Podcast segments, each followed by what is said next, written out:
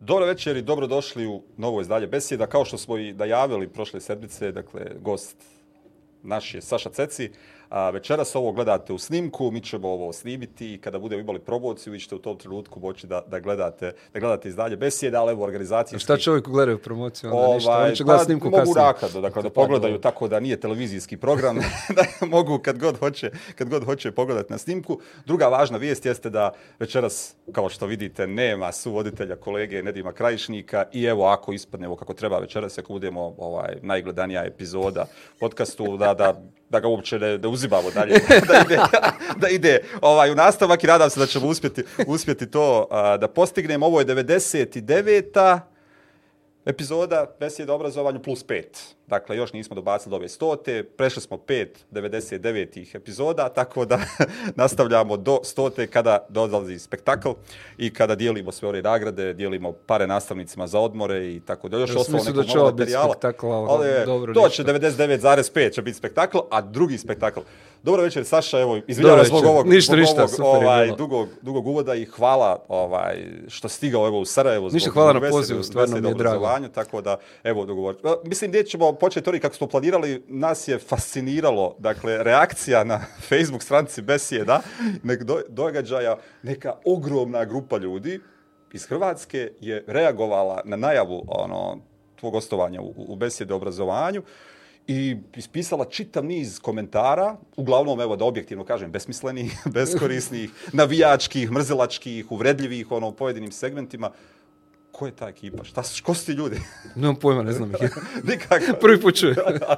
Prvi put vidimo. Dakle, baš mi je ono, bilo potpuno, znači, nikad ništa slično nismo imali. Evo, najavili smo, ne znam, goste odakle nisu bili, šta su radili, ali nikada se nije desilo da neko potroši toliku količinu svoje energije da ospori nekoga koga uopće ono... Mislim, osporavanje je da ti nešto pričaš, ja objašnjavam zašto Tako nisi u pravu. A, ne kažem, da, da. ti je ružna i ne možeš. Tako je. I to, što, mislim, dobra je majca, imam ja jednu takvu samo boja, ne, ali, ali, a ovaj- malo je ovaj, veći broj.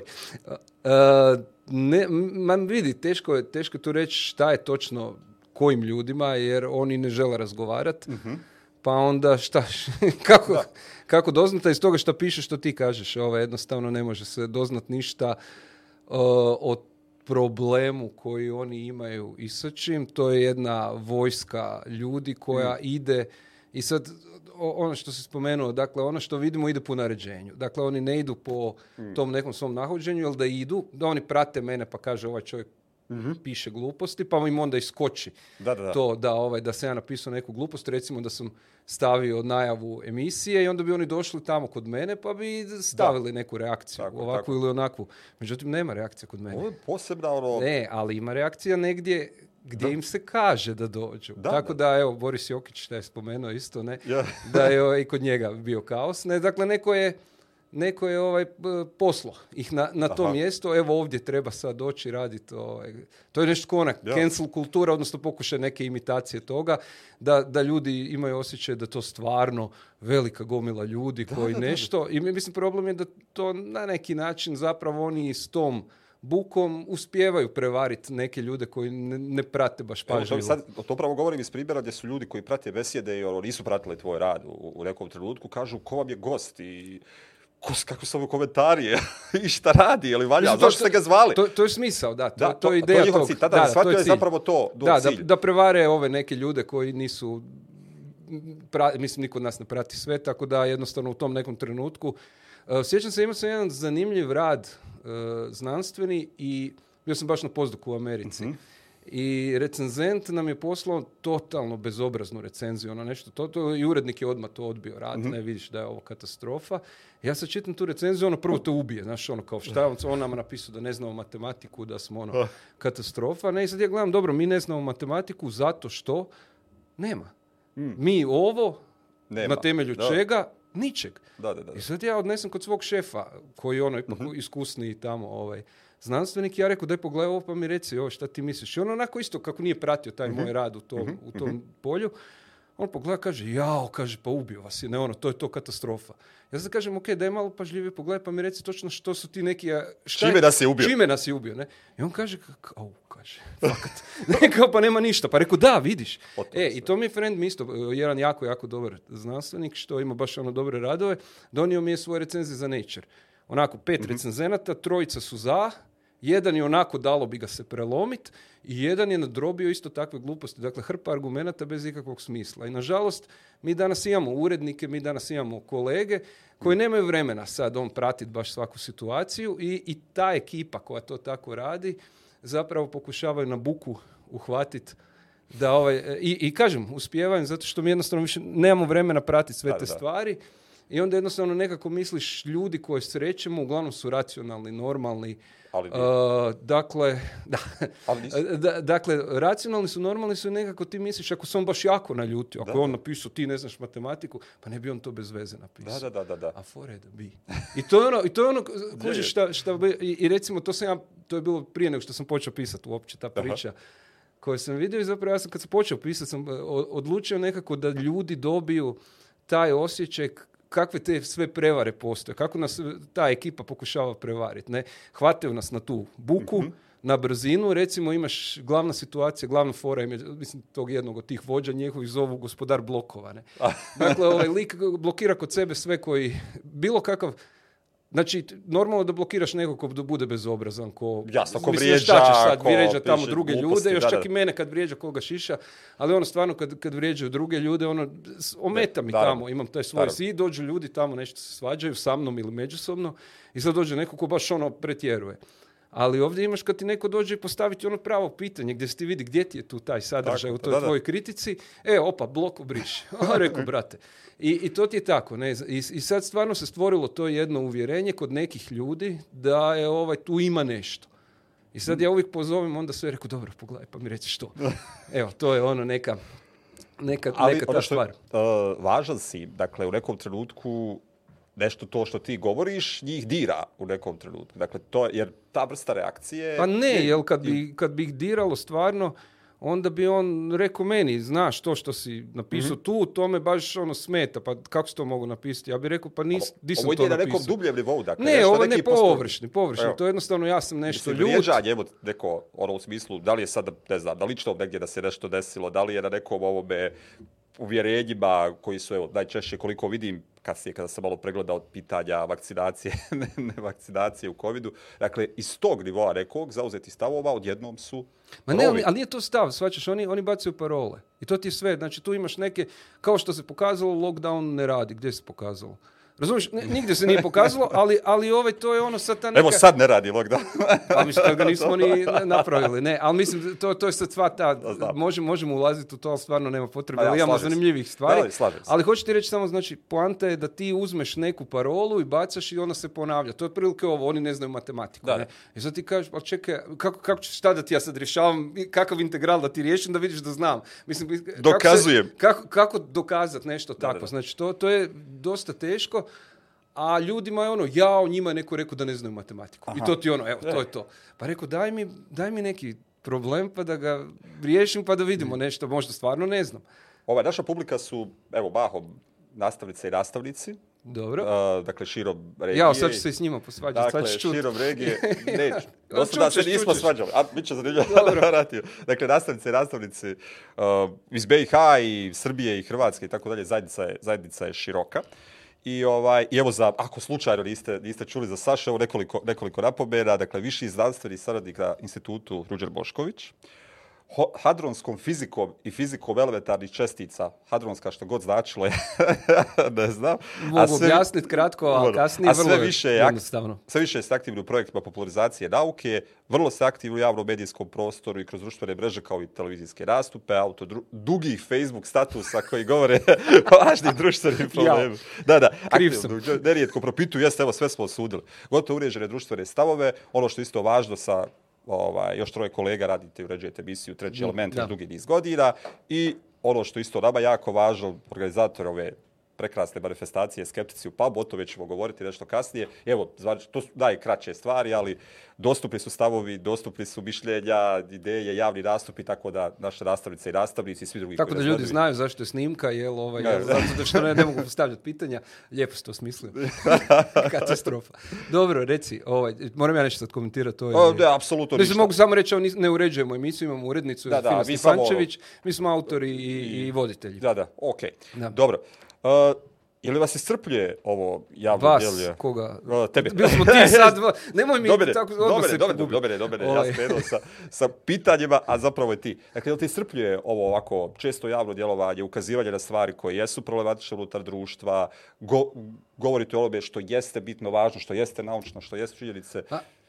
mislim, iscrpljuje me u toliko da ne volim biti dosadan, ne volim se ponavljati, a onda mi se dogodi nekad da, evo, jutro sam bio u Banja Luci, bio, sam u jutarnjem programu mhm. i sad, šta ako mi postaviš isto pitanje, hoću odgovarati isto, pa reku, pa ne mogu, onda, onda se malo pripremim, pa razmišljam kako ću odgovoriti to i to onda ono, da, je, to me iscrpi, ono, noćas malo ono spavao, spavao jesam, dobro, bili smo u pub kvizu, četvrti, Od, koliko ekipa? Pa dobro, 12, nije to, nego ono što smo prvi unatoč mojim ovim krivim odgovorima. Ovaj, ovaj put ništa nije pomoglo. E, mhm. i, to mi je ono bilo, mislim, nije bez veze to zezancija Zancije mhm. samo, ovaj, zezali smo se, i ovaj, moj izdavač Ivan Kraljević i mhm. ja ovaj, da obično pobjeđujemo unatoč meni. On ide na tek vizove i sve, ja sam ono Da učio sva pitanja moguće. sve, baš tako bilo.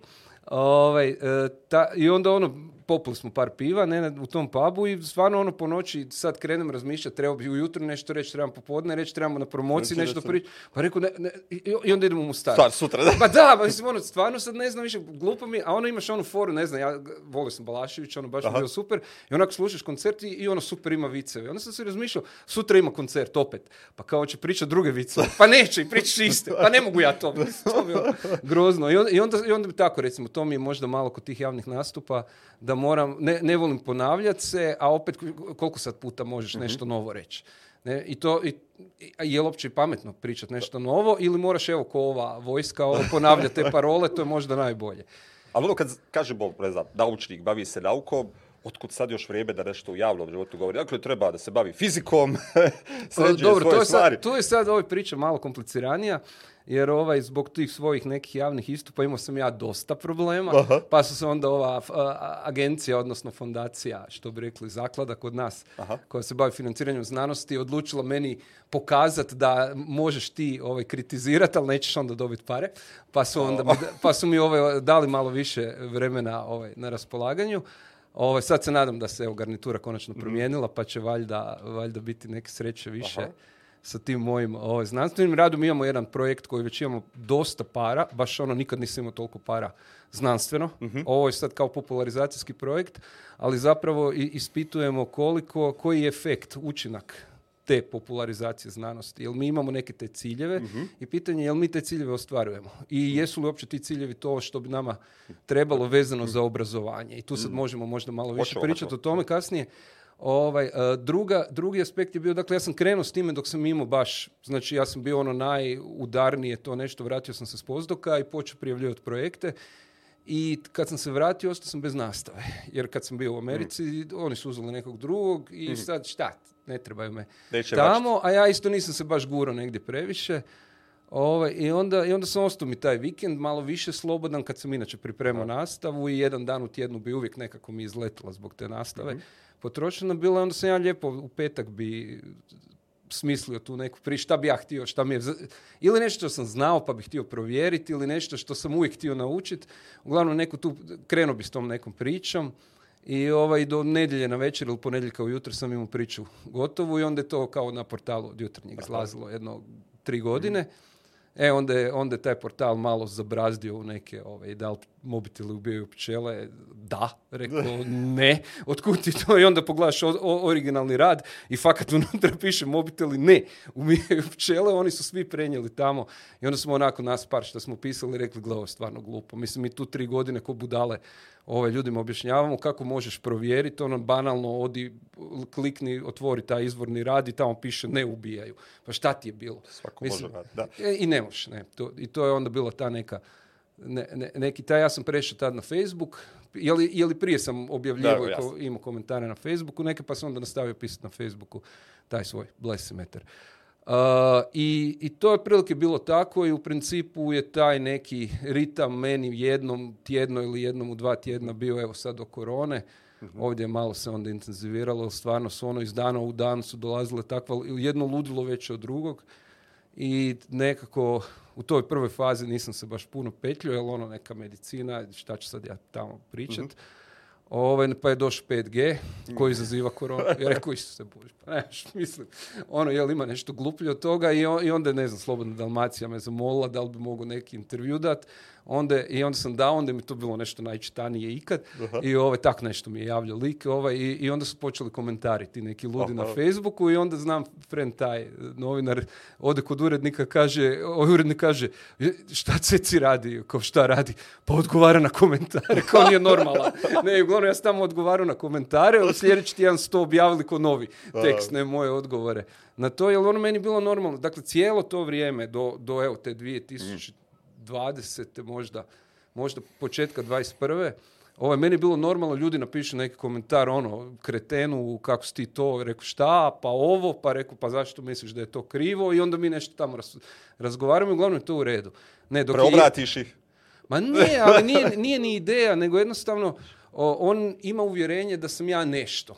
I onda mi razgovaramo i onda on vidi da nisam ja to kako je on to shvatio, ovaj, a, i vidi da ja razumijem njegovu tu stvar. Aha, dakle, okay. se on boji nečeg, e, boji se za dijete, boji se za roditelje, boji se za sebe. Ovaj, kako mi znamo, mi znanstvenici uvijek nešto kao znamo, a, vidiš, a znaš da znanost je, nikad nije baš skroz točno, nego uvijek očekuješ da će se nešto mijenjati. I onda to pa korporacije iskoriste. E, da, mislim, hrpa je stvari. Da, al, i, i, sad kako onda ti možeš nešto znati ako se znanost uvijek može mijenjati? Pa ja rekao, vidi, koliko god da se neka naša teorija interpretacija tog neke fundamentalne teorije o travi ili o nebu ili o suncu promijeni, sunce će uvijek nama izgledat bijelo, odnosno žuto, nebo će nam izgledat mm. plavo, a trava će nam izgledat zelena. Dakle, to se neće promijeniti zato što smo mi naučili neki novi mehanizam fotosinteze koji je bio kontra svih drugih što smo mi ranije mhm. mislili.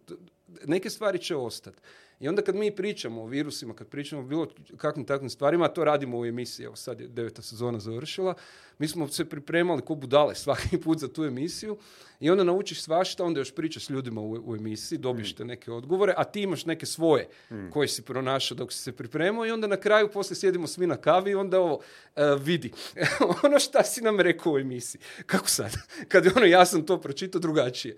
I onda ljudi nama još dodatno objašnjavaju, daju nam te neke stvari, onda ti stvarno skupiš to neko gomilu informacija koje su nekako zgodno posložene u neku logičku cjelinu, jer šta god ono iskače ti pitaš, dobro, kako onda ovo ili čovjek ti odgovara. Pa je bilo je nek par grupa na ovoj Facebooku gdje su stvarno bili super kvalitetni ljudi, naši znanstvenici mm. i neki naši koji su vani i, i, uvijek je bilo neki razuman odgovor. I onda se javi još tri, četiri druga, kaže dobro si, to, to, to ima smisla. E. I, ovaj, I onda ti možeš polagano gradeći pratiti zapravo, i to je jedna edukacija koja se meni čini, meni se u tom nekom prvom trenutku činilo da je ovo super jer javnost vidi znanstveni proces, baš ono u, mm. toj nekoj fazi gdje prvo ne znaš ništa nego svi oni imaš one famozne educated guessove, dakle, mm. jel pomažu maske ili ne, nemamo pojma ok, šta je, kakva je respiratorna, koja još su respiratorne, ne znam, gripa, ovo ono, jel maske pomažu, pomažu, pa kao, jel neko stavljao maske, je, tamo su stavljali, jel bila manja zaraza nego drugdje, je,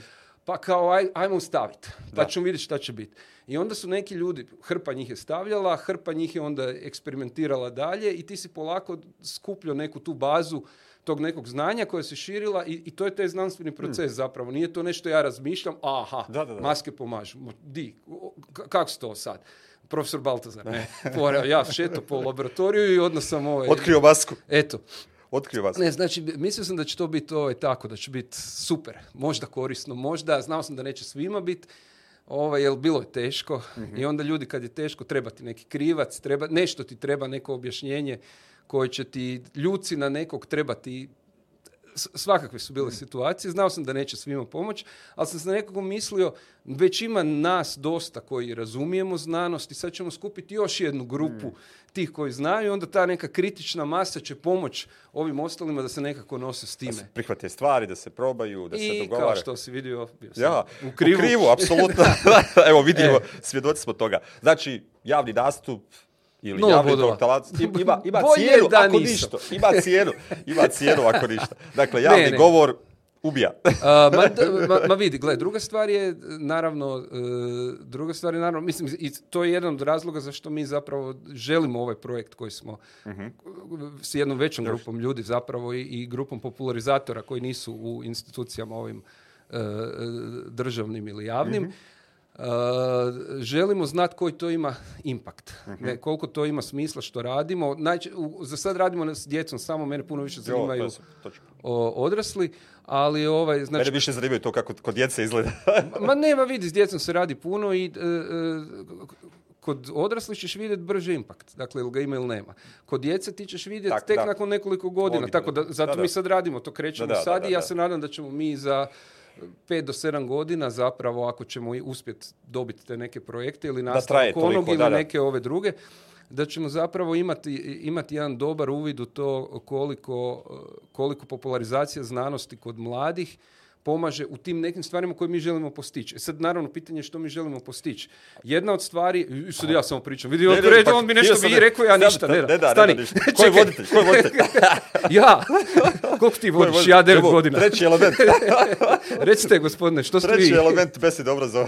Katastrofa. Hvala. E, ovaj, reci, reci, pa ću se nadovezati poslije. Ide, to pričaš. Zapravo, šta znači, evo, pokušam objasniti popularizacija nauke, jesni tada treba li popularizirati nauku i druge, može li se popularizirati nauka? Dakle, to su mi ono neki po, u kojima razmišljam.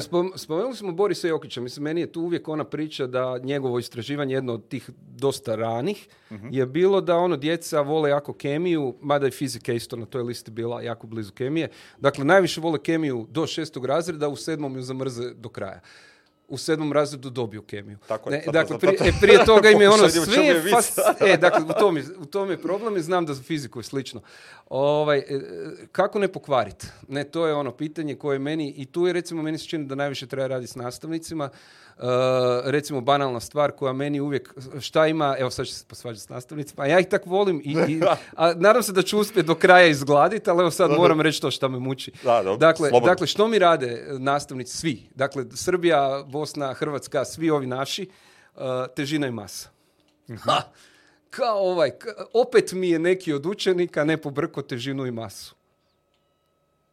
Bi ja rekao, aj mi reci, molim te, u kupaonici ima vaga. Šta mjeri vaga? Pa kao masu.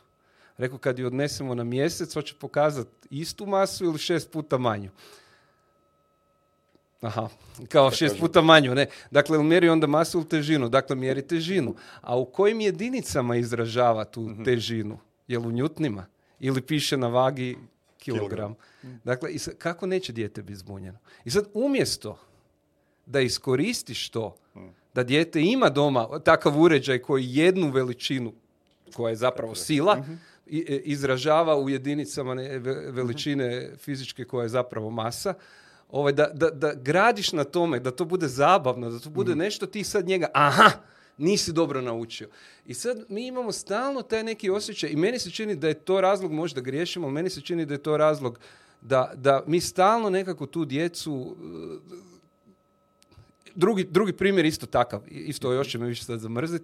Ima, dao sam zadatak jedan u ovoj knjizi svoje, odnosno na tom blogu, neko e, koji mi je bio strašno fora, ide auto po autoputu, ne znam, 60 na sat i sad naiđe, ovaj, e, auto, drugi vozi 100 i zaobilazi ga. I sad njih dvojica kad idu paralelno, ono ne, u tom trenutku shvate da je ispred njih neko deblo i ovaj i palo, nemam pojma šta, kamen i ovaj uglavnom njih oba dvojica počinju kočiti.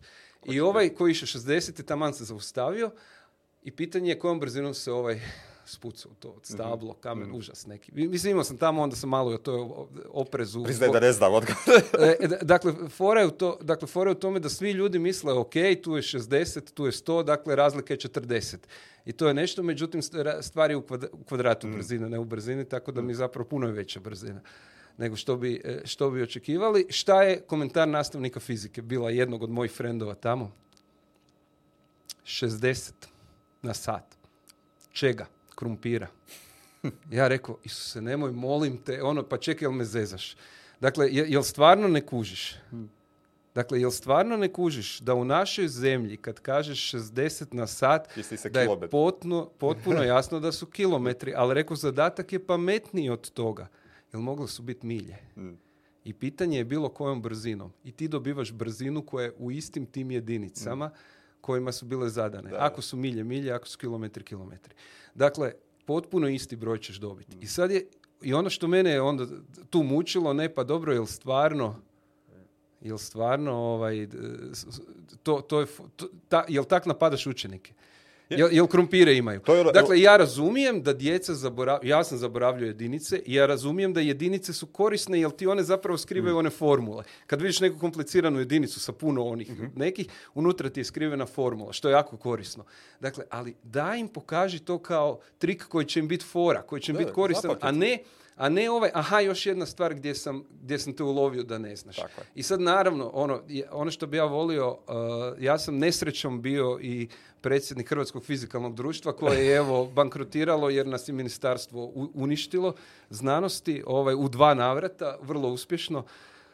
Ovaj, uh, dakle, ja sam imao tolike planove, prijavili smo i taj neki projekt koji su nam isto uh, mm. uništili jer ovaj, jel kako će sad izgledat, bankrotirali su, da dobiju 3 milijuna kuna, ovaj, to bi bilo grozno, tako da smo dobili neke recenzije koje vidiš da su onako, da, da, je neko doš, išao na eliminaciju, a ne na... Mislim, ovaj tip, Koliko imate ovaj partnera, naši partneri, sveučilište u Zagrebu, sveučilište u Splitu, sveučilište u Rijeci, sveučilište u Osijeku, institut Ruđer Bošković, institut za fiziku, kao i njegova bila ova, u recenziji nedovoljna.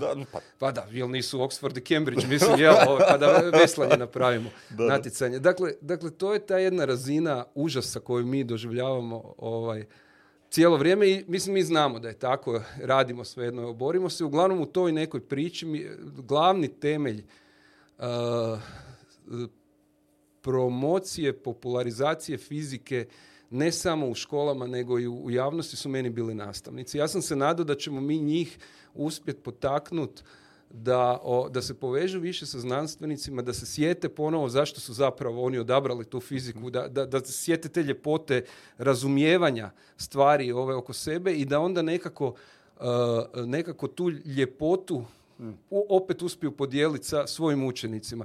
Jer meni je smisao nastave e, fizike u školama, naravno da neće sva djeca biti fizičari. Dakle, ideja da on sad nauči sve te formule nekako je, je, je besmislena, ali on mora naučiti neke formule. Ono što je važno da nauči barem neke dvije koje može skombinirati u treću. Mm.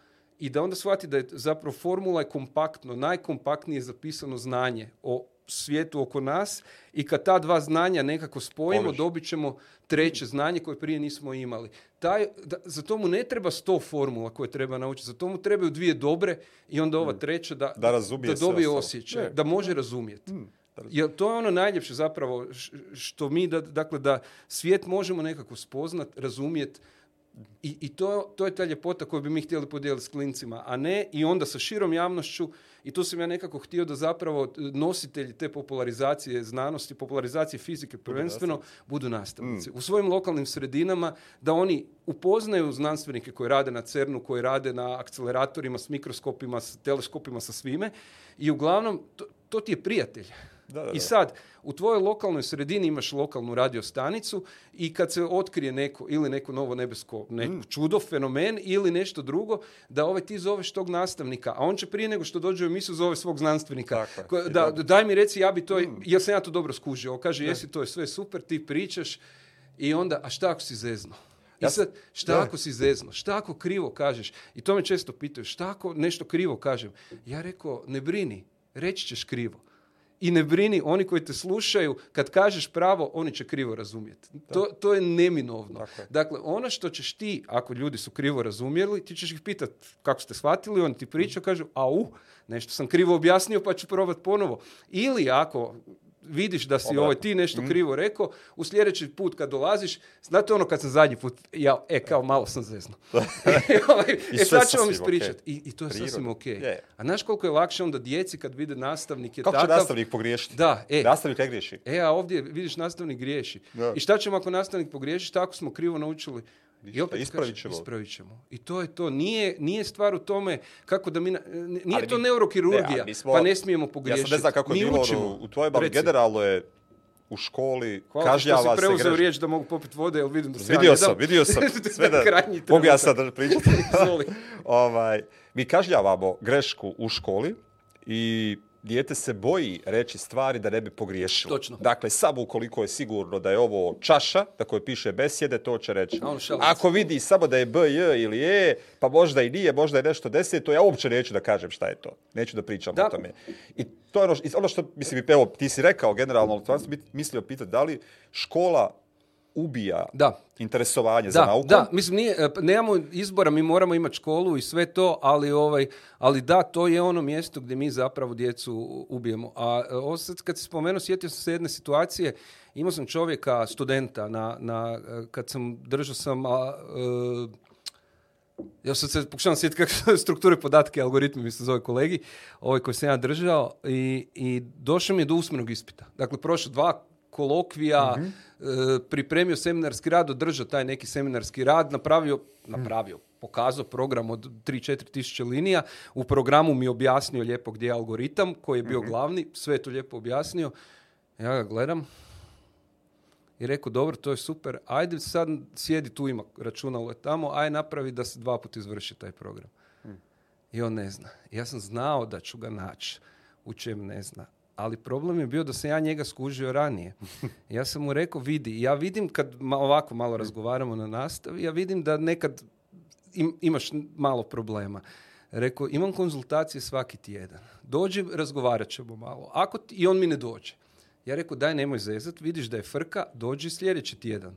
Ne dođe. Ja kažem, ok, neugodno mu je, ovaj, ajde vidiš ovih pet kao, 25 njih je tad bilo, o, to isto bi se vratio na taj broj, 25 ih je bilo e, smjer nastavni fizika i informatika, rekao ovih pet vidiš koji, već smo skužili ne ono, nakon par tjedana koji su stvarno dobri, to su budući nastavnici. Trebali bi biti. Pa bit će im drago nekom pomoć. Ako ti je neugodno kod mene, doći, odi molim te s njima, nek ti pomognu malo da ne, da ne kasniš puno. Psihološki šta se događa? On neće doći meni, a zna da mu mogu pomoći.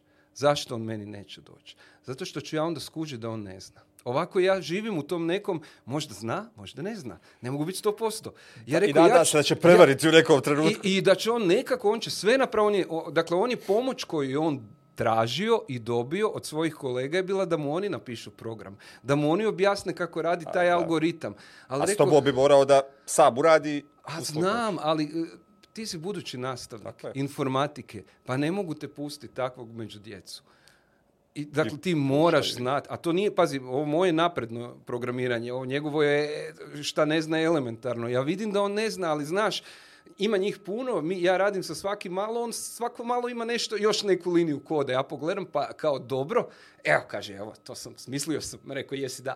Ali, ali mislim, ne mogu ja sad na njega prati cijelo vrijeme. I tu je sad taj jedan, taj jedan problem koji sam ja Ovaj, i, i, mislim i onda kad dođe, to je to, ti si srušen i nema Boga više. Nemamo mi, možemo biti friendovi najbolji. Ja uvijek probam sa studentima biti jako dobar, i da mi kažu kad imaju problem. Tako. Jer, imali su neke probleme koji su bili baš ono ljudski normalni i, ne, i boje mi se reći. I onda kad to eskalira, onda e sad ja više ne mogu ništa napraviti.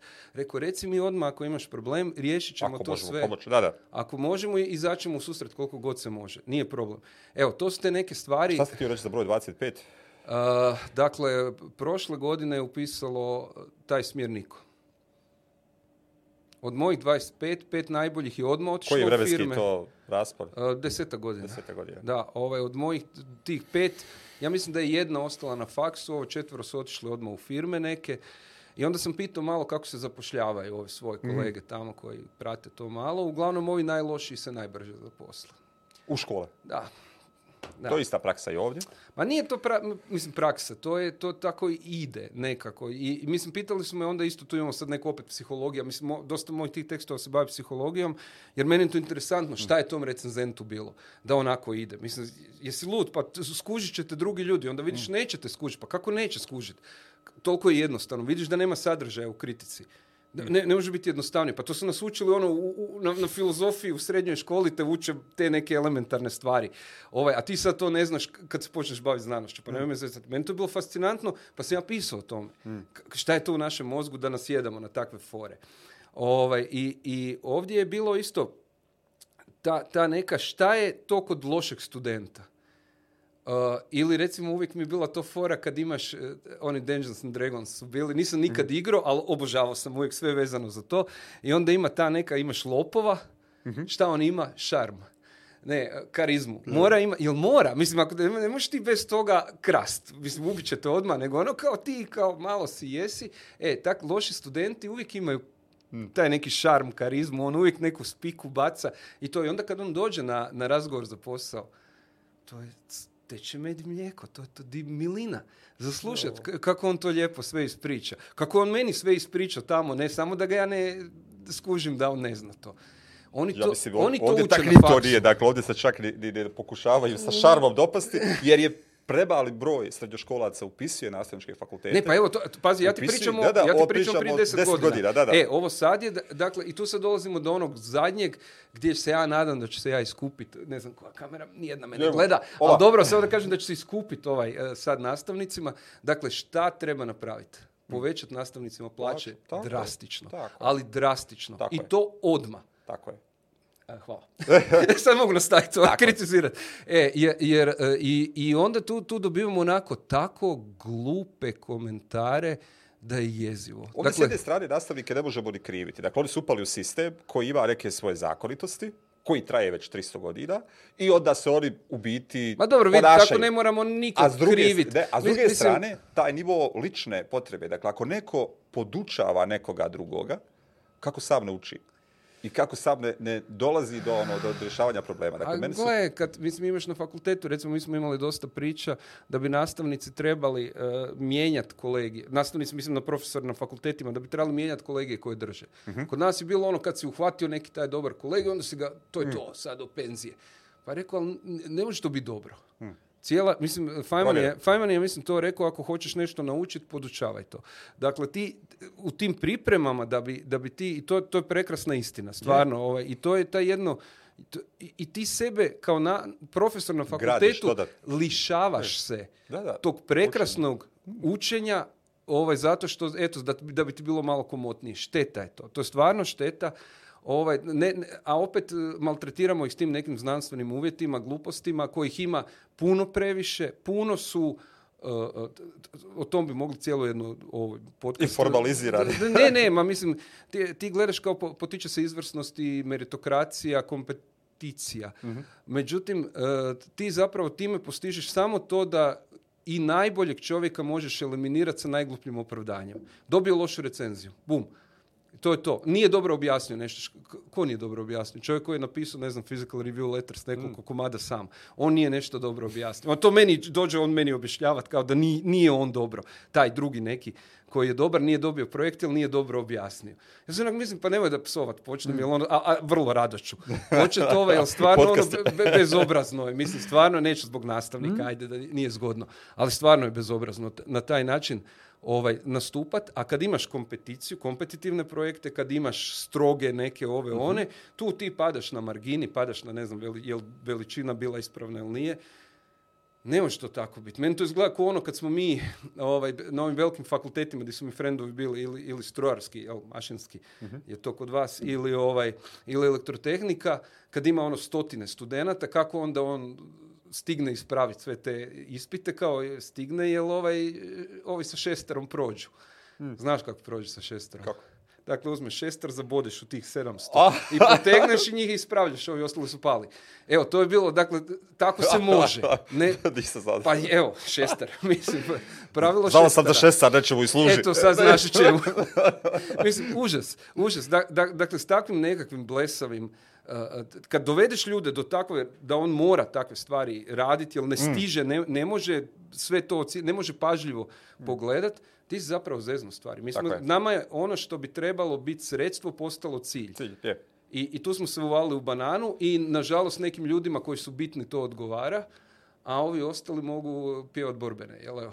Saša, prošao si ti obrazovni sistem. Kako to da ti, tebi nisu bili ovaj, ljubav za nauku ili interesovanje za nauku. Šta se desilo? Kako... Ja sam imao Karla Sagana, ne možeš to izbiti Je li, jesu li zaslužni više izvanškolski faktori ili čimbenici?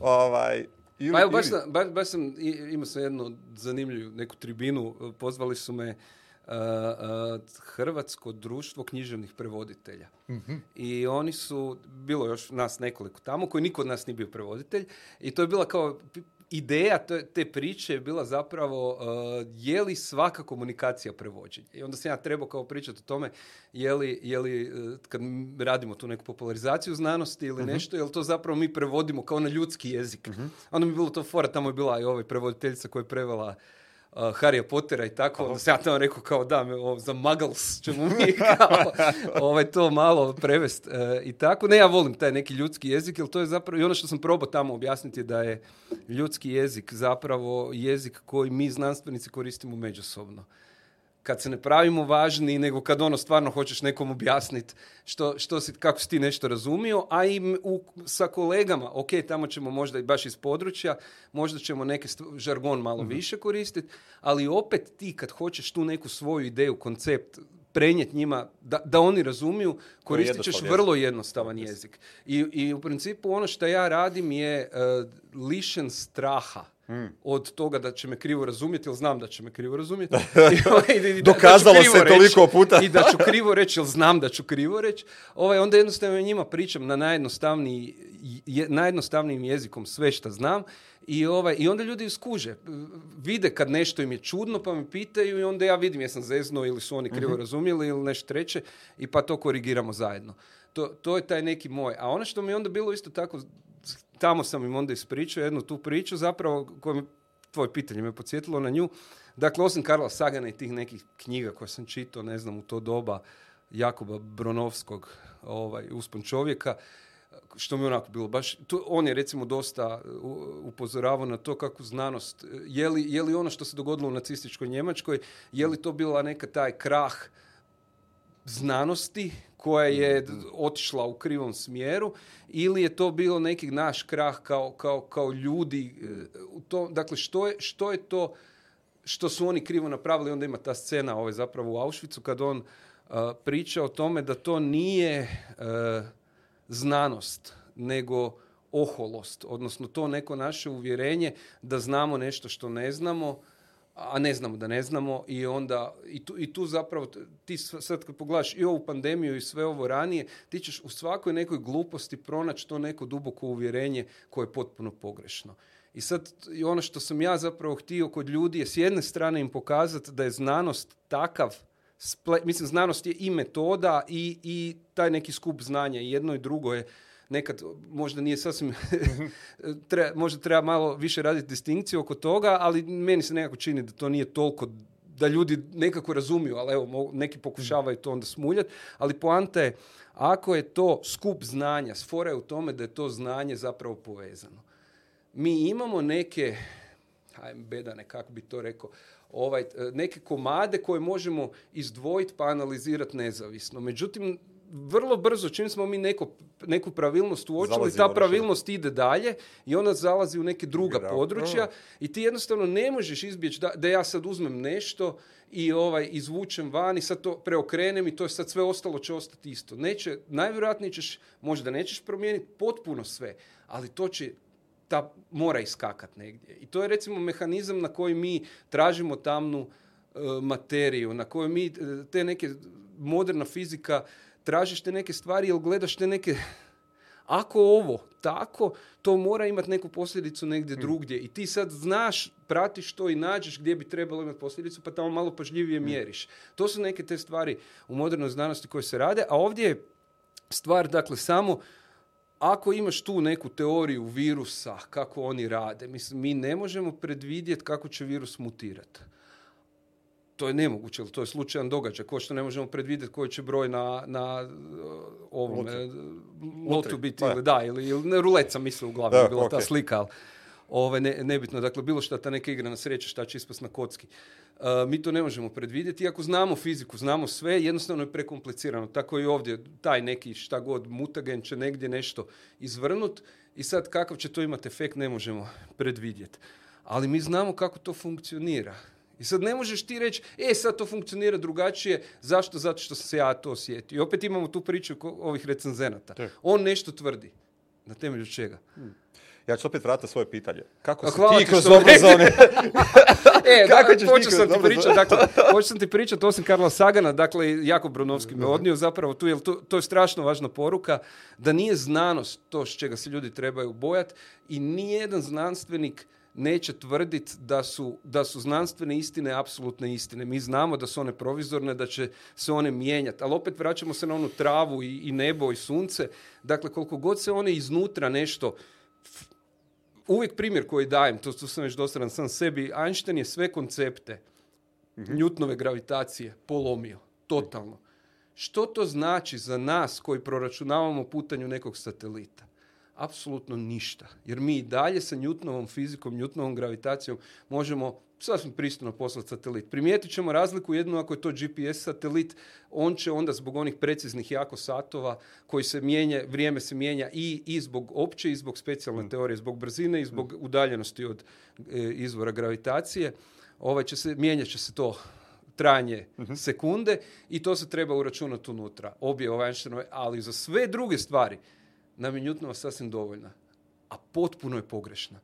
I sad kako? kako ćeš to sad povezati? I tu je ta, priča. Dakle, to što neko dođe i kaže, ah, vi znanstvenici jednom ste rekli jedno, sutra su to, totalno drugo. Ja kažem, da, ali satelit isto će biti. Dakle, ne, prestani pričati gluposti, ne, i daj uči nešto.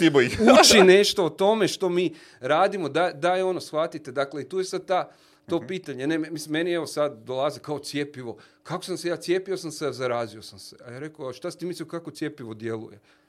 Dakle, cijepivo uneseš u tijelo da tvoje tijelo dobi, razvije one imunosni sustav, dakle će jednostavno pokrenut nešto to. Ok, kad će to on pokrenut? Pa pokrenut će kad neki virus Drugi uđe u tebe. Aha, dakle ti se moraš zaraziti. E da da, da bi imunosni sustav počeo djelovati. I sad problem je da nekad neće početi djelovati na vrijeme ili će nešto i onda ćeš ti dobiti neke simptome koji će biti blaži, a evo vidimo sad s omikronom i da ovaj zaobilazi, samo kažem ljudi, evo vidiš zaobilazi cijepivo, je rekao je primijetio da zaobilazi i oboljenje da. koje je prebolio isto tako, otprilike u istom postotku je bilo ovo kad sam zadnje gledao prije par mjeseci. Dakle, kao cijepivo ne valja. Pa ne valja ni preboljenje. Mislim, šta sad da radimo? Šta ćeš odabrati od ta dva? Dakle, a nije da ne valja, nego samo je slabije mm. Mm.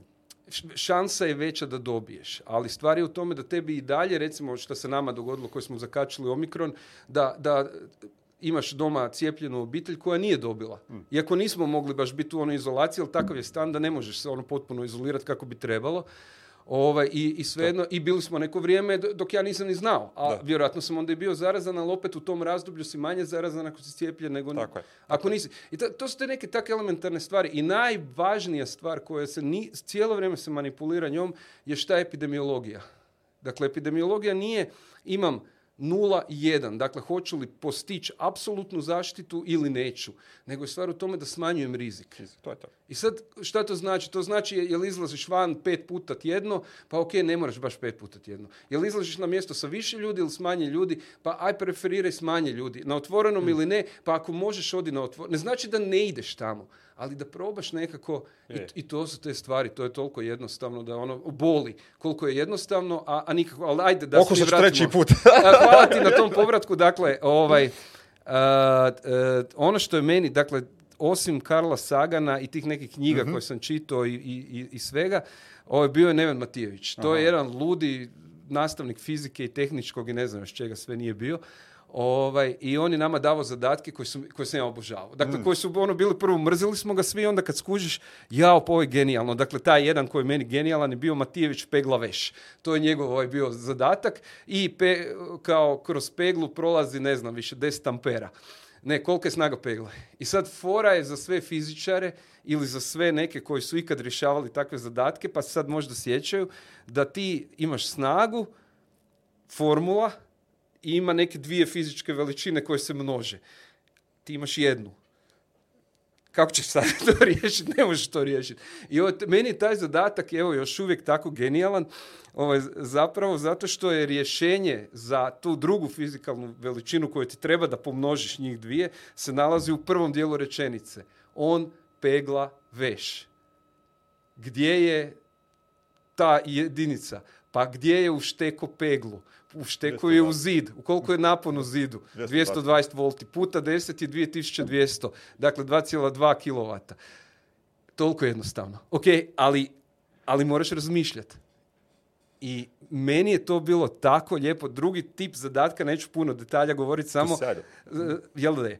E, dakle, ovaj drugi tip zadatka je bio da imaš isto tako nešto. Imaš jedan šta tražiš i mm. dva koja trebaš imati. On je naravno dao tri. Ovaj, I imaš više formula koje kombiniraju njih razne, ali nijedna ne kombinira ova tri. I sad poanta je bila da koja god dva odabereš, dobit ćeš dobro. Dobit ćeš sve ok, ne, ali ako pokušavaš dva, tri ugurat, znači da ne znaš i nećeš dobiti ništa. I to je bio taj tip zadatka. I sad pitanje, kad ti imaš situaciju da imaš samo jedan ili da imaš tri, a trebaju ti dva? Dakle, uvijek imaš takvu mm. situaciju. To je situacija iz života. I on je njama davo situacije iz života. To su bila otprilike ono što pisa testiranje pokušava mm. dobiti. E, i sad, lik nije završio fiziku, on je završio FER, elektrotehniku.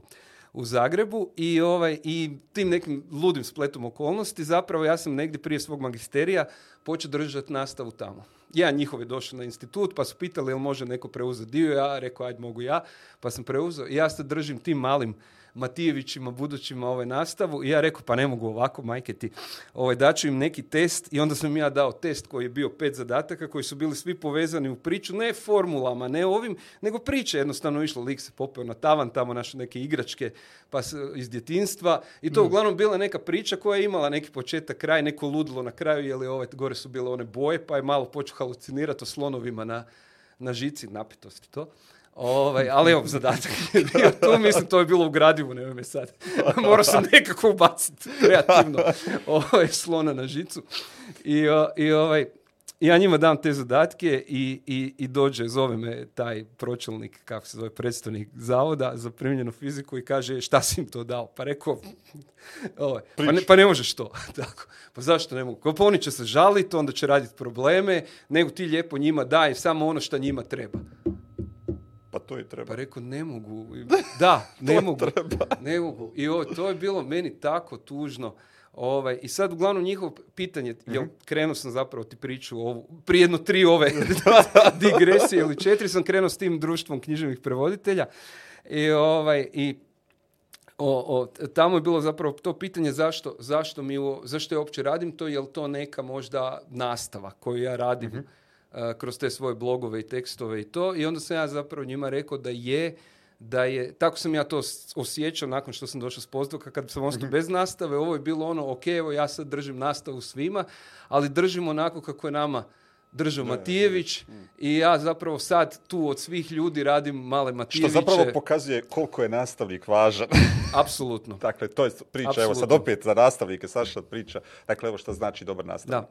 Dakle, potpuno promijeni da. interesovanja, potpuno promijeni percepcije, potpuno provjeri želje dječije, uvede ih u svijet, on otkrije im potpuno neke druge stvari. I to zaista nastavnik može da radi. E, i sad ono što treba znati, mislim, on nije neki magičar bio, nemam pojma, dakle nisu sad svi moji iz razreda ili iz naše škole završili fiziku ili ništa takvo, nego stvari u tome u pravom trenutku je on meni naišao. I sad mi moramo zapravo čekati tako je. te naše učenike kojima ćemo mi, nekima nikad neće, mi nećemo pomoći ništa. Ali postoji hrpa ljudi kojima ćemo bi baš trebati i bit će mogućnost da im mi pomognemo, a mi ćemo iz svog nekog cinizma, jada, mm. umora, ne da mi se, vidiš da ništa ne valja, mi ćemo jednostavno, on će doći, treba će, mi ćemo reći, evo tam ti knjiga, idi. Govorio sam malo prije o povezanosti a, čini mi se da u našim obrazovnim sistemima je doslovno sve razdvojeno i ono, stavljeno u čelije. Dakle, svaki nastavni predmet je priča za sebe. Pa čak i prirodne nauke nisu, nisu. Dakle, Od kuda krenemo? Da, Užas. Da, ne, ali i gore je od toga gore od toga zato što su probali to uh, fiziku i matematiku kod nas su probali povezati.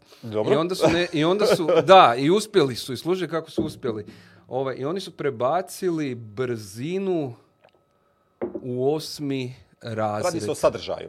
Ne slušaj ti sad, Dobro. Jer strašno je. Dakle, brzina je prebačena, čini mi se, u osmi razred. Dobro. Jer paše onda negdje te neke formule koje se koriste, pašu onda u osmom oni nešto uče u matematici. je sad će to biti odlično. Dobro.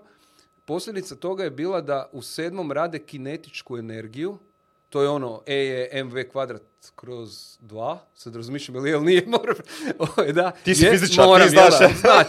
Ovdje si ovaj, srušnjak. Užas, užas. E, ne, to je energija, da, kinetička energija. I, ovaj, i, i sad ti učiš dijete kroz bio sam urednik par tih mhm. udžbenika i ovaj sad nastavnik koji piše taj, te jedinice, on piše tamo, moraš, moraš reći kinetička energija, šta je sad to?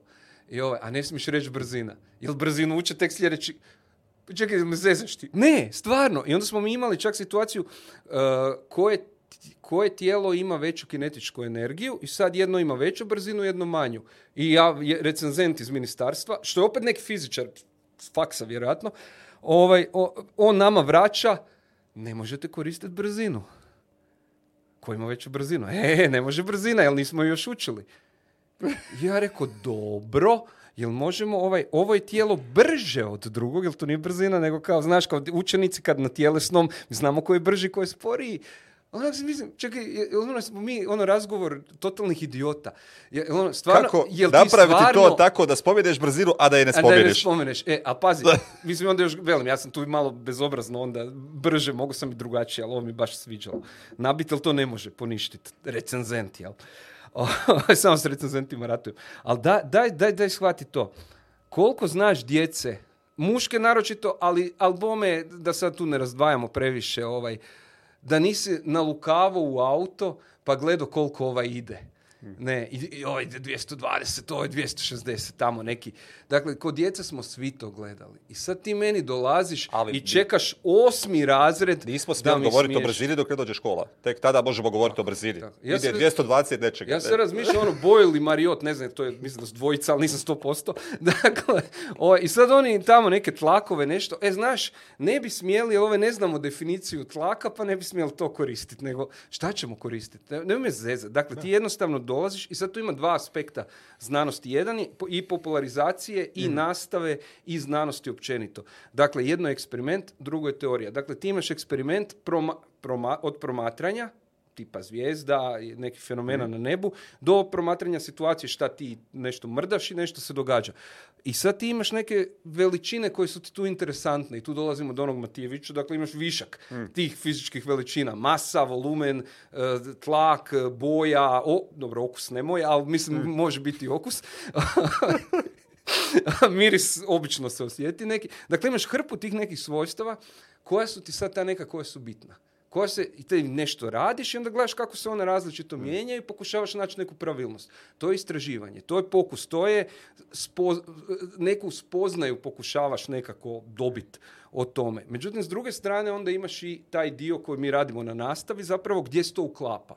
Što ti očekuješ da bi tu moglo biti mm. interesantno, to ti daje teorija od ranije i gdje će to kasnije otići, to ti daje ta šira teorija. Sad ti mm. dobio nešto što je suludo, aha, pa ajmo se vratiti pa vidjeti možda smo pogriješili ili smo našli nešto mhm. interesantno.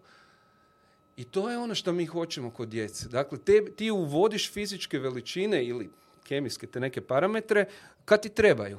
I tu je sad taj neki, koliko god ja mrzio te projekte i neke gluposti, ovaj, to je nešto što je kao mali projekt znanstveni.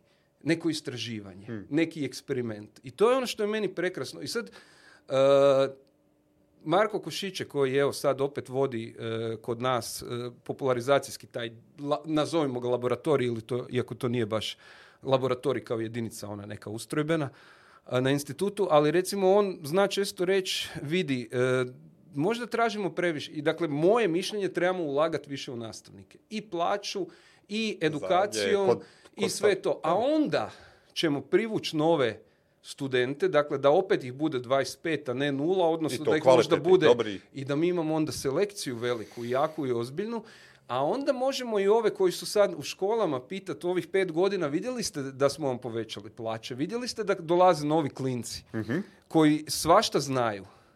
Šta ste vi radili da bi sebe poboljšali?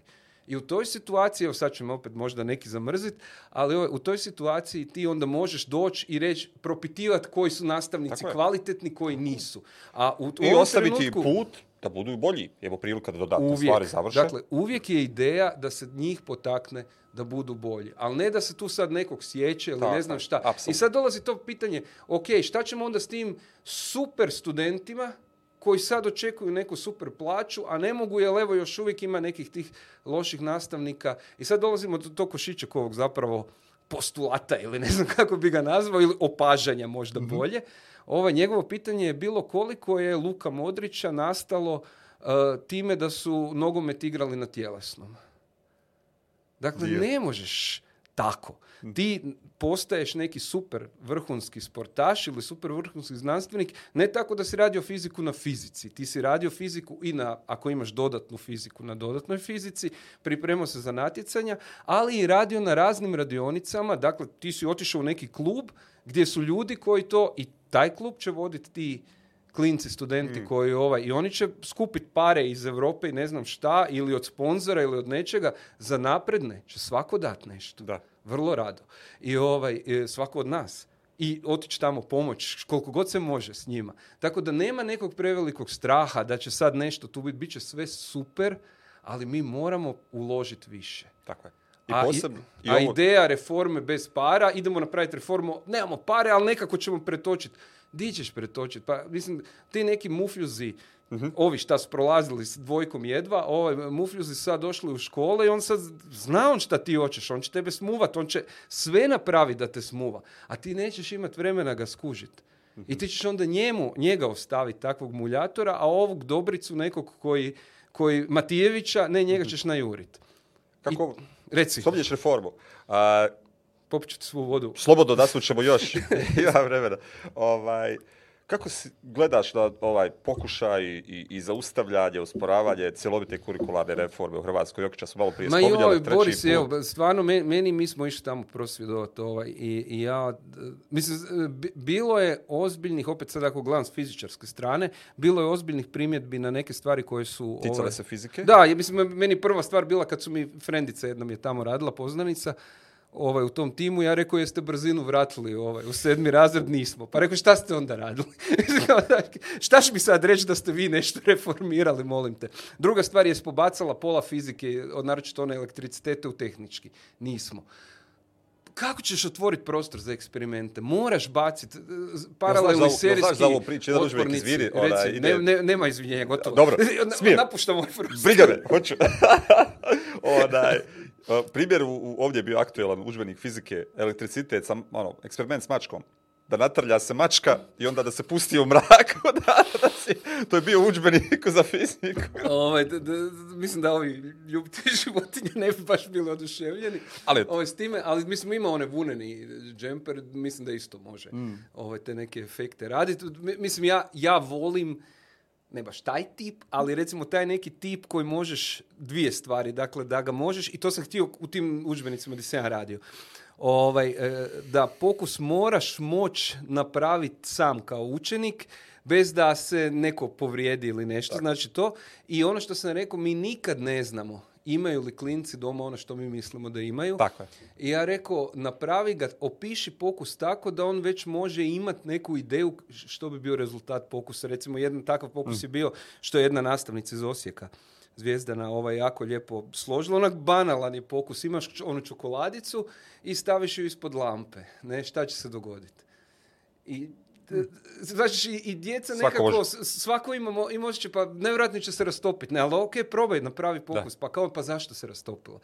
Pa šta je sad to bilo što je, i, i sad tu neko to što, zračenje i to, jel to toplina zraka, zraka u smislu ovaj, mm. zrak, vazduh, jel? A drugo je, ovaj, jesu li to zrake neke toplinske ili pa, nešto, pa to je sedmi razred, sedmi, osmi. Dakle, tu, tu, tu, ne znam, oni brzinu možda. Kako ćeš o tim nekim stvarima. Koliko, brzo e, se istopilo. dakle, dakle, ova je reforma. Mislim, kažem, bilo je dosta tih prigovora i malo mi išlo na živce. Sad, šta sad mi prigovaramo? Onda sam išao čitati šta je, mislim da je Hrvoj Buljan pisao još neki. On je tad bio pročelnik fizike. Ja rekao, šta sad daviš? Ovi mhm. smo studirali skupa. Rekao, onda sam čitao, onda vidim, pa dobro, mislim, nije točno, dakle, sve što je napisao, zapravo to su bile dosta dobre primjedbe ove ovaj, to nije bio razlog da se ruši reforma, ali bio, mislim, bio je problem, jer mi stvarno, kažem ti, mislim, ja imam sto problema s nastavom fizike i kao taj nekakav urednik mhm. tih, eh, tih i digitalnih obrazovnih sadržaja u jednoj priči i tih udžbenika za sedmi i osmi u drugoj ja sam htio da to bude manje, da, da stvarno smanjimo gradivo, da, da bude više priča, više tih nekih za mhm. razmišljanje zadataka. Zadaci, ne trebaju mi zadaci sedam zadataka gdje ti moraš kalkulator odmah hvatati, nego daj mi da nek bude dva 3, šest da su brojevi, pa da ono 6 mhm. kroz 3, 2, dobro. Da, da on napamet može rješavati i da razmišlja o konceptu, a ne da odmah hvata kalkulator i samo gleda u koju će formulu uvrsti. Mhm. Znači, ti ne, onak imao sam osjećaj, pa šta nije to svima logično da tak treba biti? Onda ispalo da nije.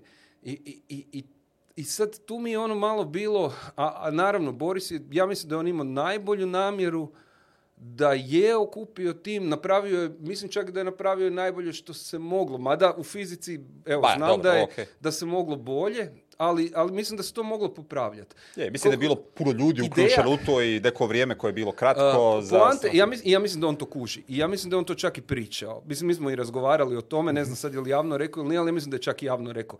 Mi napravimo nešto, dakle tu neku reformu i nije to sad u kamenu upisano, nego mi sad dalje gledamo gdje možemo I popraviti. to bi se zapravo tek i vidjelo da je ušlo u škole. Da, da se vidi šta da, ok, šta funkcionira, da, na koji način radi. Ali to bi se zanimalo, dakle, ta ideja čitave te ekipe koja je zapravo radila na tome o nekoj ozbiljnijoj promjeni cjelovitoj obrazovnog sistema. Dakle, u tom smislu bi išlo više, je li to bilo ok? Pa, mislim, e, oni imaju, mislim, problem je da mi ono sad razgovaramo o tim nekim stvarima koje oni tako recimo devet godina da budu u paketima po tri. To mi je bilo logično. Što je da, kod nas e, osnovna škola, e, ali formalno suštinski nije. E, da, da, da, jer mislim ideja je bila da se malo razvodnji, razmaže mhm. onaj prelaz iz, iz četvrtog kod nas u peti razred, jer to je ogromna razlika. Mislim, Harry Potter ide u taj famozni peti razred, ide u Hogwarts njegov taj prvi. E, dakle, i u Njemačkoj isto takav Sa, sustav. prije deset godina i e, kreće. dakle, ti, u Njemačkoj isto zapravo nakon četvrtog razreda već ideš u onom smjeru nekom ili, ili tehničke škole ili, kao neke gimnazije ili mhm. neke stručne.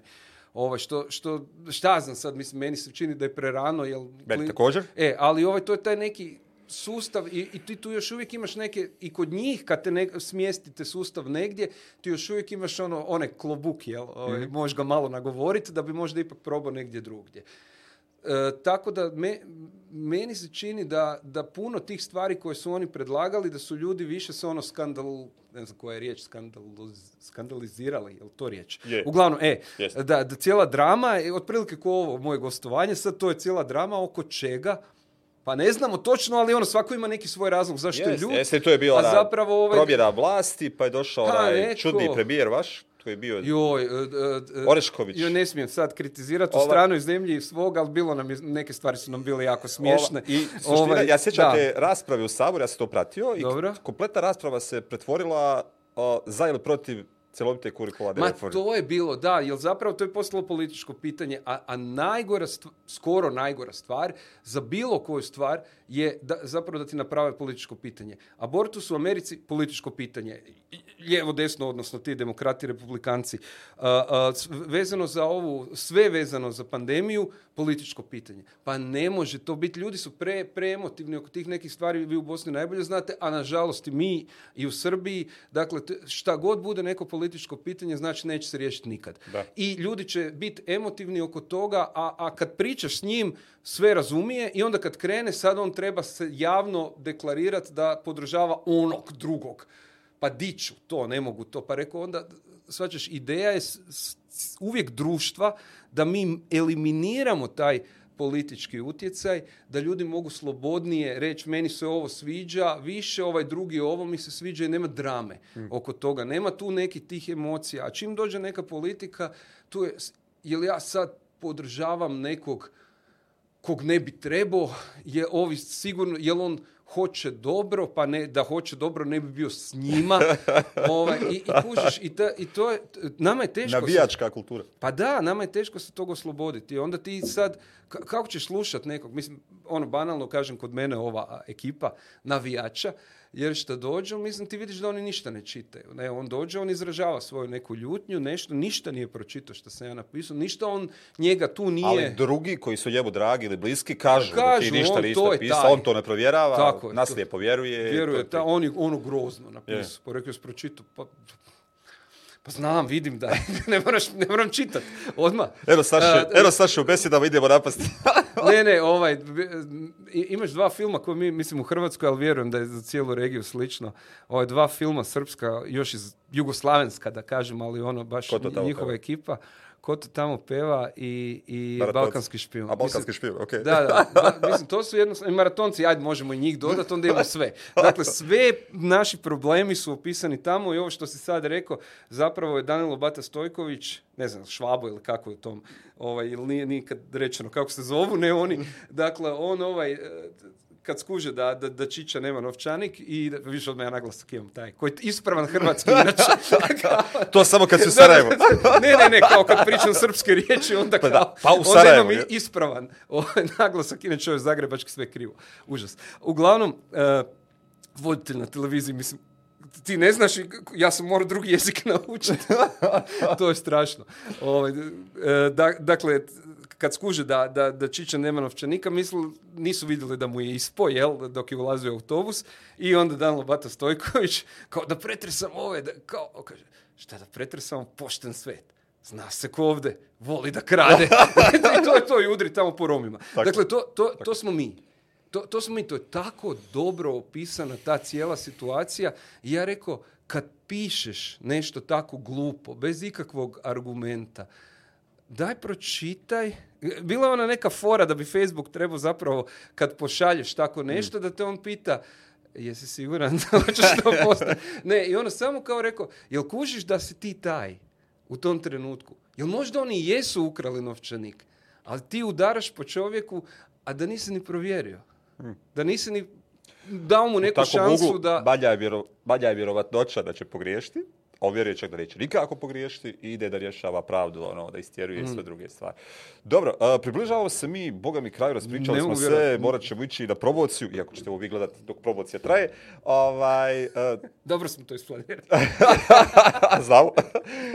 Šta su to skeptici ili ko su skeptici u pubu? To je vrlo zanimljiv koncept evo, za, za ljude u Sarajevu koji nisu čuli. Ovaj, ma, to je, evo sad se borimo i mi isto sami sa sobom, ovaj, nikako da se dogovorimo kako ćemo dalje sad, ovaj, ali, ali e, ideja je zapravo bila, to, koncept taj neki prvi, je nastao 1999. u Velikoj Britaniji i ideja je zapravo da nemaš predavanje nekog, koga god, bilo ko e, u nekom službenom Mhm. tipa na sveučilištu ili na nekoj tribini grada Sarajeva ili Zagreba, nego da je to u nekom neformalnom prostoru gdje može doći ko oče, ljudi piju pivo, slušaju predavanje i onda poslije imaju raspravu i mhm. razgovaraju.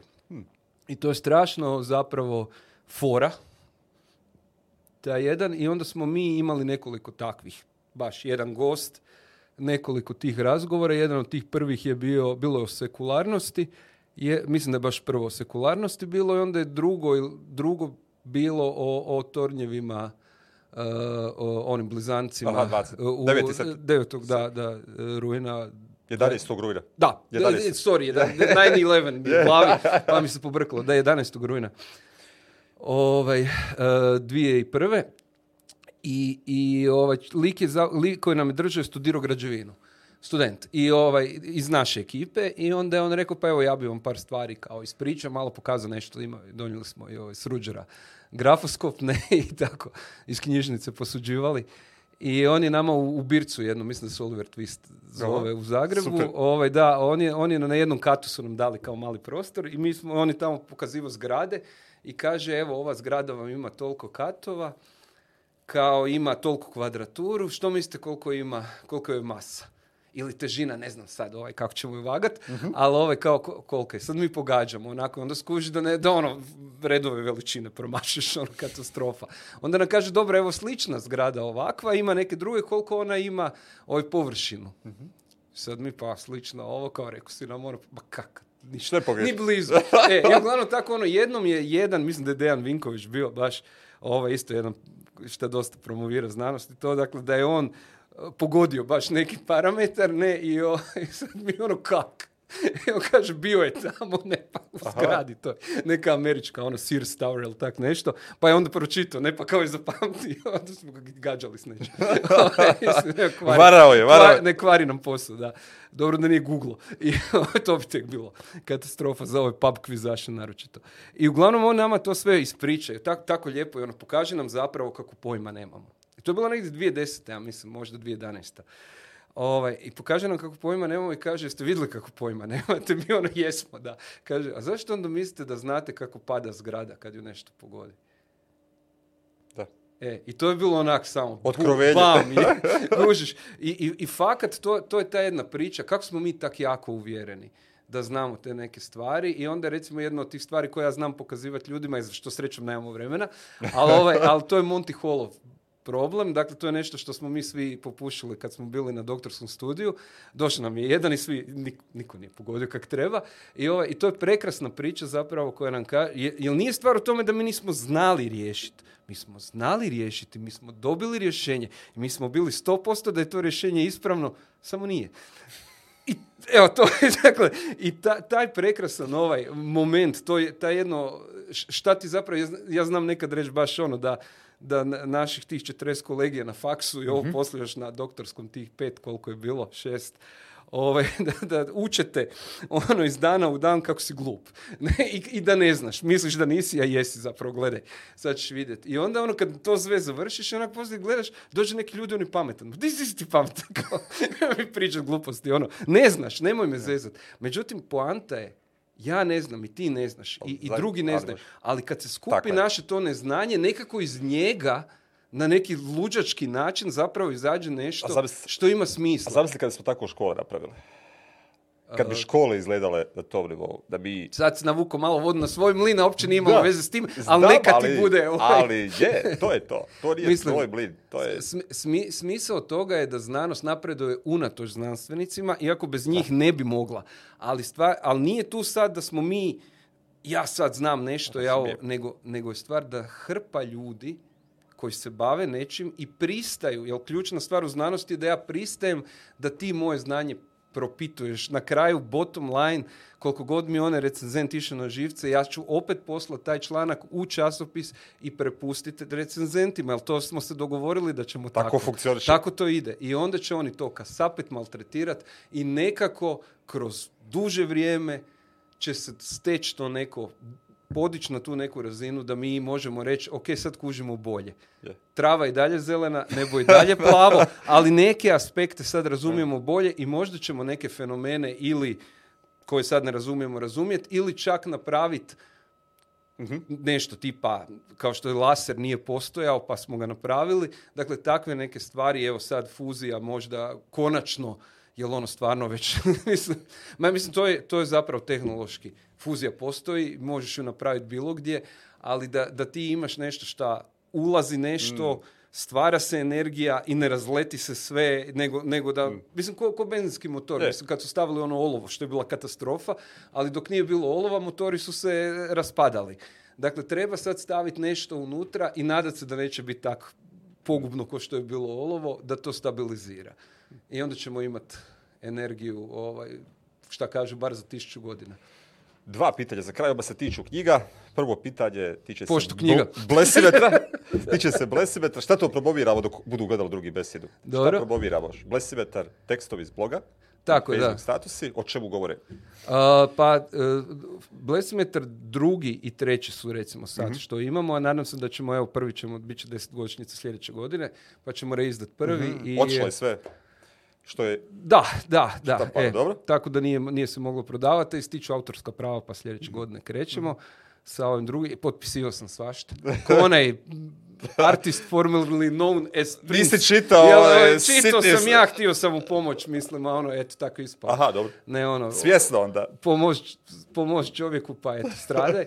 Ne, a ovaj, e, dakle, u, toj drugoj knjizi, mhm. koja je strašno puno fizike, ovi, šta te neke zadatke, šašove priče, ta, tamo ih ima, ima, ima neki one od tih jednostavnih zadataka tipa ide parobrod iz Mississippi i od tamo u onaj Karipski ili kako se zove zaljev, nemoj me sad za geografiju pitat, ovaj, Meksički ili koji je već tamo kad ovdje di to ulazi i ovaj, sad je veći uzgon u Mississippiju ili, ili na moru. Mm. I ovaj pitanje je odlično, to je bilo pitanje na natjecanju za fiziku i ti tamo imaš ovaj, tih nekih, imaš krivi odgovor koji svi misle, onda imaš pravi odgovor koji je kao, kao pravi koji je bio u, ovaj, u, na tom natjecanju priznati, onda imaš moj odgovor koji je još pravi. Gdje su mi rekli svinju.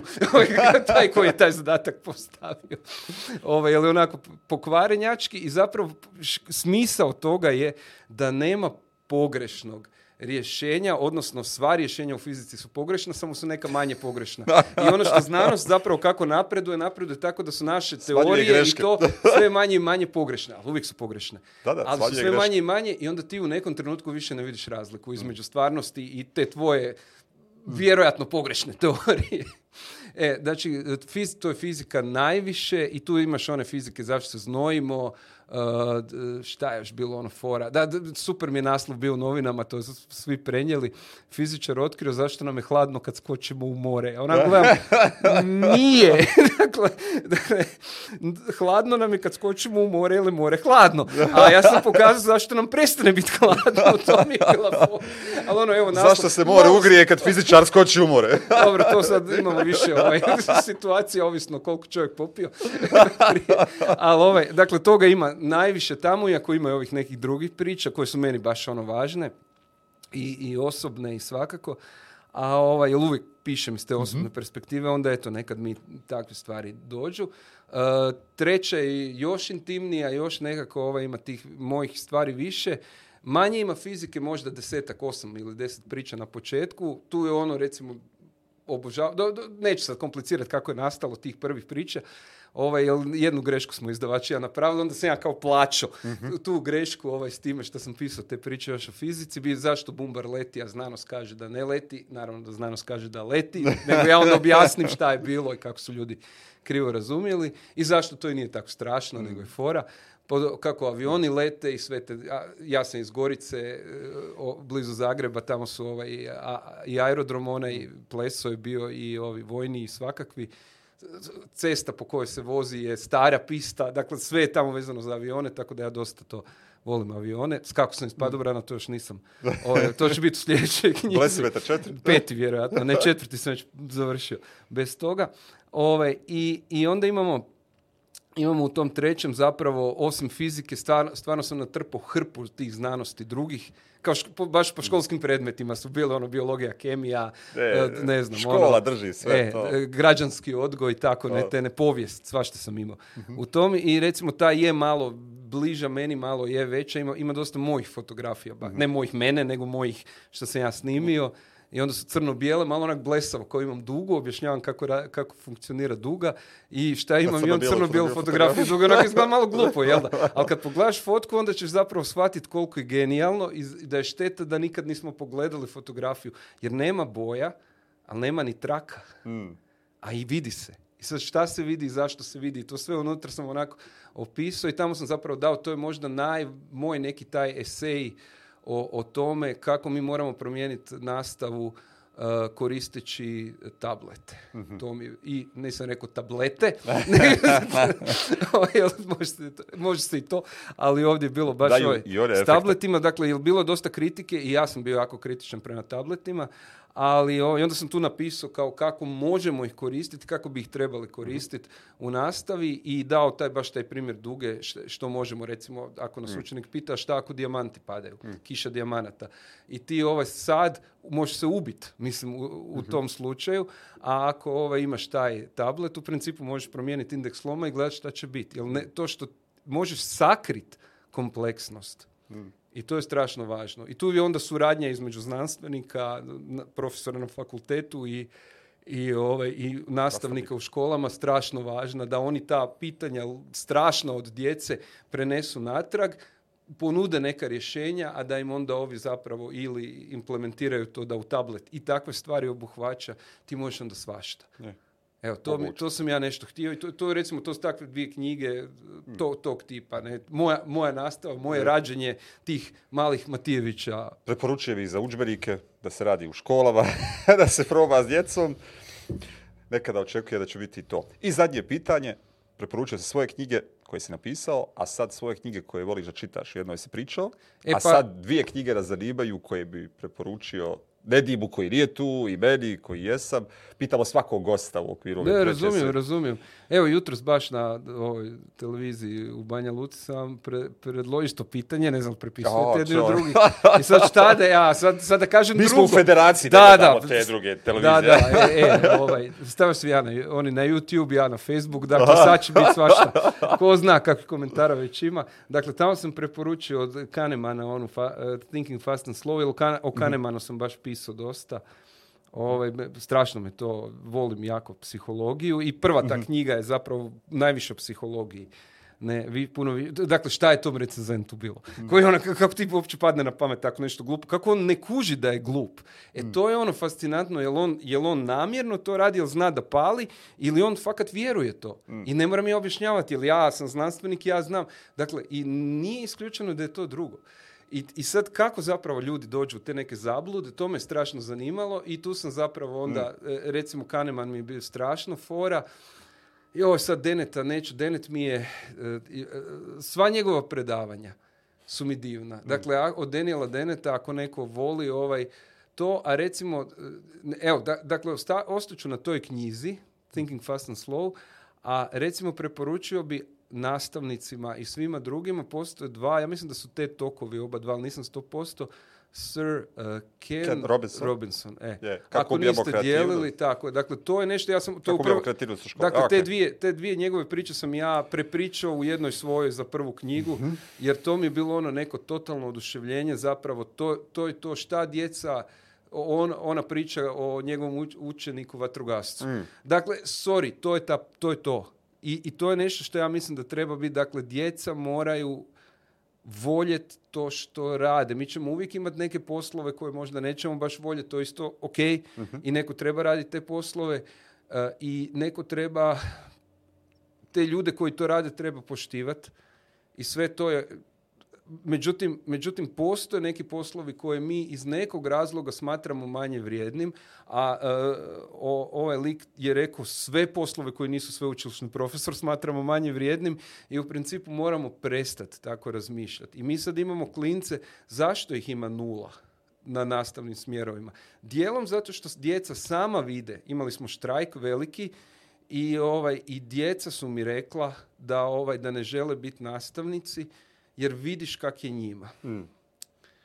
Dakle, to je jedan razlog. Ali ja znam, ja sam radio s tim klincima. Drugi razlog je što ih roditelji guraju u elektrotehniku, odnosno informatiku. Nešto što donosi novac. Mm. I ti zapravo stvaraš bogate nesretne ljude. Mm. To nije ideja. Dakle, to nije ideja. Ako on u nečem jako dobar, ili će imat, ili će imat dobar posao, koji će voljet i onda će u njemu se realizirati ili će imati neki hobi koji će mu možda u nekom trenutku koji je vjerojatno tebi ovo, ovaj postati nekakav posao ili nešto od čega će stvarno moći ovaj, ili raditi nešto što ga eh, usrećuje u smislu da ima smisla mhm ili ovaj će ti donositi novac na sasvim ok mm. način, a nije fora, pa zašto ne bi. Ne, dakle, to, sve to, mi, mi hoćemo stvoriti zemlju sretnih ljudi, gdje je osmijeh, sve one neke gluposti. Rekao, pa šta si napravio s ljudima? Sve ih maltretiraš, sve ih ganjaš batinom i on tebi vraća produktivnošću. Ne, mm. ne, ja kad radim sa svojim suradnicima, koji, mlađima naročito, ovaj, oće on raditi zato što sam mu ja rekao radi ovo. Ili ako sam ga ja navuko, da on proba i da se njemu to svidi, onda ja njemu to pustim i onda on ode doma i onda on ne može spavati jer razmišlja o tome hoće biti produktivniji tako ili ako sam ga batinom ganjao. E, nikad mi to, e, ali onda trebaš imati šefove koji su, i sad smo otišli u jednu drugu priču, ovaj. dakle, jednom ne, nešto će biti od naših ovih država i ljudi, naroda i svijeta, možda. Saša, hvala ti. Ili nećeš, što kaže Balašević, jedno od ta dva u svakom slučaju. Sigurno. Hvala ti puno ovaj, za gostovanje, za priče. Ništa, hvala na pozivu, evo, baš mi ovaj. drago da sam opet malo u Sarajevu. Evo. Eh, Ibere, hvala i tebi za, za sve ove stvari, kamere, mikrofone, zvukove, plasiranje na, na internet i naravno hvala gledateljicama i gledateljima koji su nas pratili u 99. epizodi peti put, slušalo se i gledalo se. Gledao sam tu najavu i nije mi bilo jasno šta je ovo. Ništa, evo, hvala svima. I gledamo, ovaj, gledamo se a, naredne srijede i nadamo se opet bez nedima sa vašim omiljenim voditeljom u podcastu ovaj, besede obrazovanja sa namjerom i nedimom, ali samo sa namjerom. Doviđenja.